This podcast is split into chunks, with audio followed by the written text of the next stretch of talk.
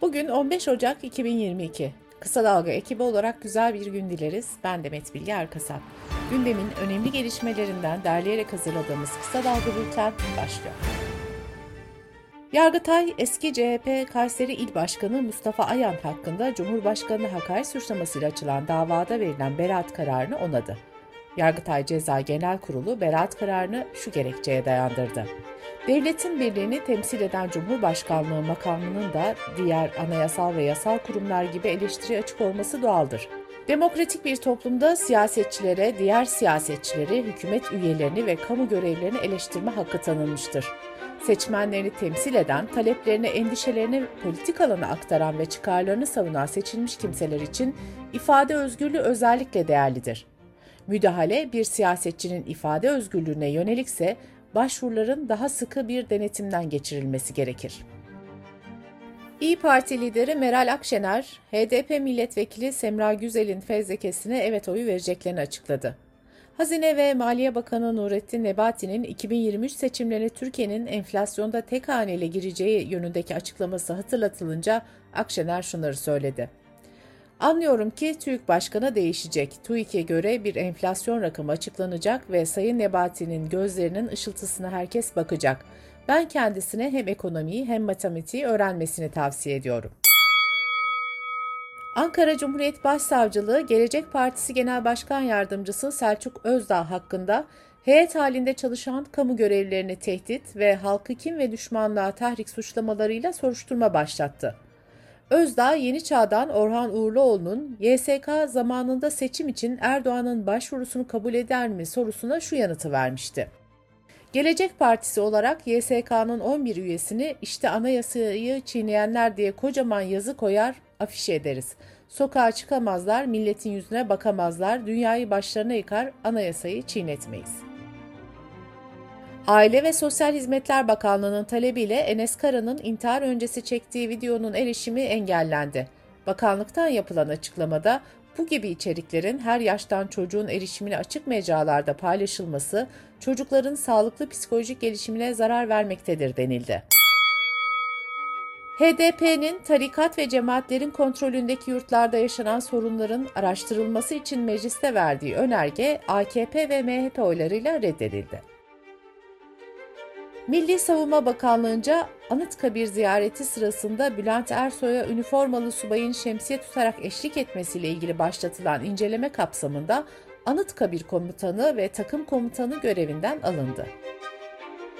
Türkiye Gazeteciler Sendikası ile BBC Türkçe arasında başlayan toplu iş sözleşmesi görüşmelerinin anlaşmazlıkla sonuçlanması üzerine BBC Türkçe çalışanları greve çıktı. Bültenimize COVID-19 gelişmeleriyle devam ediyoruz. COVID-19 pozitif vakalarında izolasyon süresinin 7 güne indirilmesiyle temaslı kişilerde PCR testi zorunluluğunun kaldırılması tartışma yarattı. Uzmanların görüşleri şöyle. Ankara Üniversitesi'nden Profesör Doktor Necmettin Ünal, temaslı kişilere PCR testi yapılmamasının haklı sebepleri olduğunu ancak gelişmiş ülkelerin bunun yerine hızlı antijen testi kullandığını söyledi.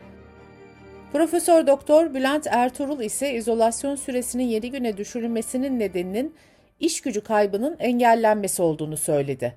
Ertuğrul, 7 günlük izolasyon süresini tüm bireyler için almayıp gerçekten aşısı tam olan, bağışıklığı sağlanmış bireyler için kullanmak durumundayız dedi. Bilim Kurulu üyesi Profesör Doktor Tevfik Özlü, omikron dalgasının süreceğini ve vaka sayılarının artmaya devam edeceğini söyledi. Özlü, Bazıları salgın bitmiş gibi davranıyor, sanki her şey normale dönmüş gibi ama hiç öyle değil dedi. Özlü ayrıca izolasyon süresinin 7 güne indirilmesiyle ilgili de şu değerlendirmeyi yaptı. Omikron varyantı ile birlikte virüsün davranışı da değişiyor. Bu varyant daha kısa süre içerisinde bulaştırıcılığını kaybediyor. Bir haftalık sürede aslında çoğu vakanın virüsü temizlenmiş oluyor. 14 gün, 20 gün, bir ay bulaştırıcılık devam eden vakalar var ama bunlar çok nadir. Ege Üniversitesi'nden Profesör Doktor Meltem Işıkgöz Taşbakan ise omikron varyantının etkisiyle COVID-19 vakaları sonrası yoğun bakım servislerinde geçen yıla kıyasla yarı yarıya artış olduğunu söyledi. Son günlerde grip vakalarında da artış olduğuna dikkat çeken Taşbakan, iki virüsün bir arada olduğu hastalarımız var. Böyle durumlarda hastalık biraz daha klinik, daha ağır seyredebiliyor dedi. Almanya, Türkiye vatandaşlarına yönelik vize şartlarını güncelledi. 7 Ocak 2022 tarihli güncellemeye göre Almanya'da geçerli sayılan aşılardan yaptırmayanlar, hiç aşı olmayanlar negatif testi olsa bile ülkeye alınmayacak. Almanya, Moderna, BioNTech, AstraZeneca ve Johnson Johnson aşılarını tanıyor. Türk aşısı Türkovak'ta, Çin aşısı ve Rus aşısı gibi Almanya'da tanınmıyor. Türkovak yaptıranlar iki dozunu bu aşıdan tamamlasa bile Almanya'ya alınmayacak. Sırada ekonomi haberleri var. Hazine ve Maliye Bakanı Nurettin Nebati enflasyonun Ocak'ta pik yapacağını, Mayıs ayından itibaren düşüşe geçeceğini ve 2023 seçimlerine Türkiye'nin enflasyonda tek haneyle gireceğini söyledi. Merkez Bankası piyasa katılımcıları anketini açıkladı. Buna göre yıl sonu dolar tahmini 16,13 lira olurken enflasyon tahmini ise %29,75 olarak gerçekleşti. Ankete göre 12 ay sonrası enflasyon beklentisi ise %25,37 oldu. 2022 yılı büyüme beklentisi ise bir önceki anket döneminde %4,1 iken bu anket döneminde %3,7 olarak gerçekleşti. Merkez Bankası'nın haftalık para ve banka istatistiklerine göre gerçek kişilerin döviz mevduatı 7 Ocak haftasında parite etkisinden arındırılmış verilere göre 1 milyar 70 milyon dolar azaldı.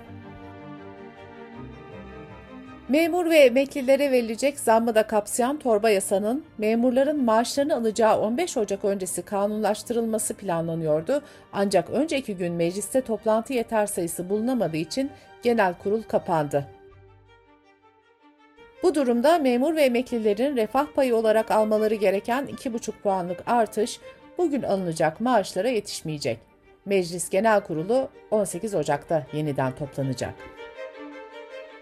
Tarım Bakanlığı'nca hazırlanan gıda satış noktalarında gıda israfı ile mücadele kılavuzunda tüketim tarihi yaklaşmış ürünlerin indirimli satılması önerisinde bulunuldu.